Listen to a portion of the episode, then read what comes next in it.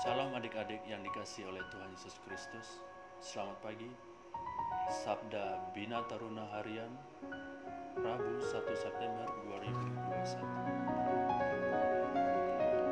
Pembacaan Alkitab terambil dari kitab Mika 7 ayat 1 sampai dengan ke-6 yang menyatakan Celakalah aku sebab keadaanku seperti pada pengumpulan buah-buahan musim kemarau seperti pada pemetikan susulan buah anggur.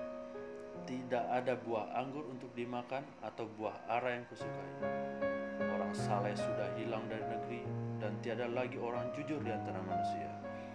Mereka semuanya mengincar darah. Yang seorang mencoba menangkap yang lain dengan jaring. Tangan mereka sudah cekatan berbuat jahat. Pemuka menuntut, hakim dapat disuap, pembesar memberi putusan sekehendaknya dan hukum mereka putar. Orang yang terbaik di antara mereka adalah seperti tumbuhan duri. Yang paling jujur di antara mereka seperti pagar duri. Hari bagi pengintai-pengintaimu, hari penghukumanmu telah datang. Sekarang akan mulai kegemparan di antara mereka. Janganlah percaya kepada teman, janganlah mengandalkan diri kepada kawan.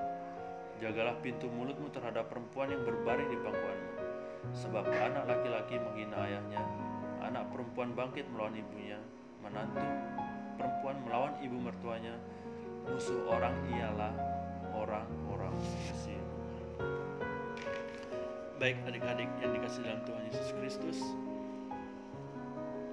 pada tahun 2016, film fenomenal garapan George Miller yang berjudul Mad Max Fury Road meraih 6 piala Oscar ini bukanlah hal yang mengejutkan karena dari sisi pemeran dan sinematografi, film tersebut menampilkan hasil karya apik dengan cerita yang unik.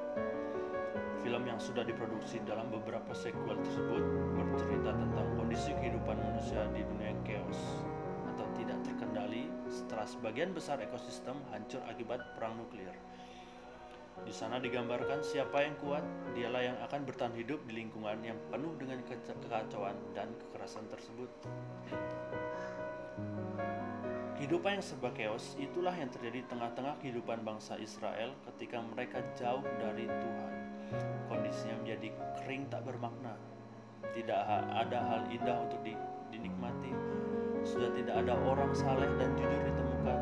Semuanya mengincar setiap orang yang diperbuat setiap hari yang diperbuat adalah kejahatan bahkan hukum diputar balikan orang-orang baik dianggap sebagai penghalang. Tidak ada rasa saling percaya.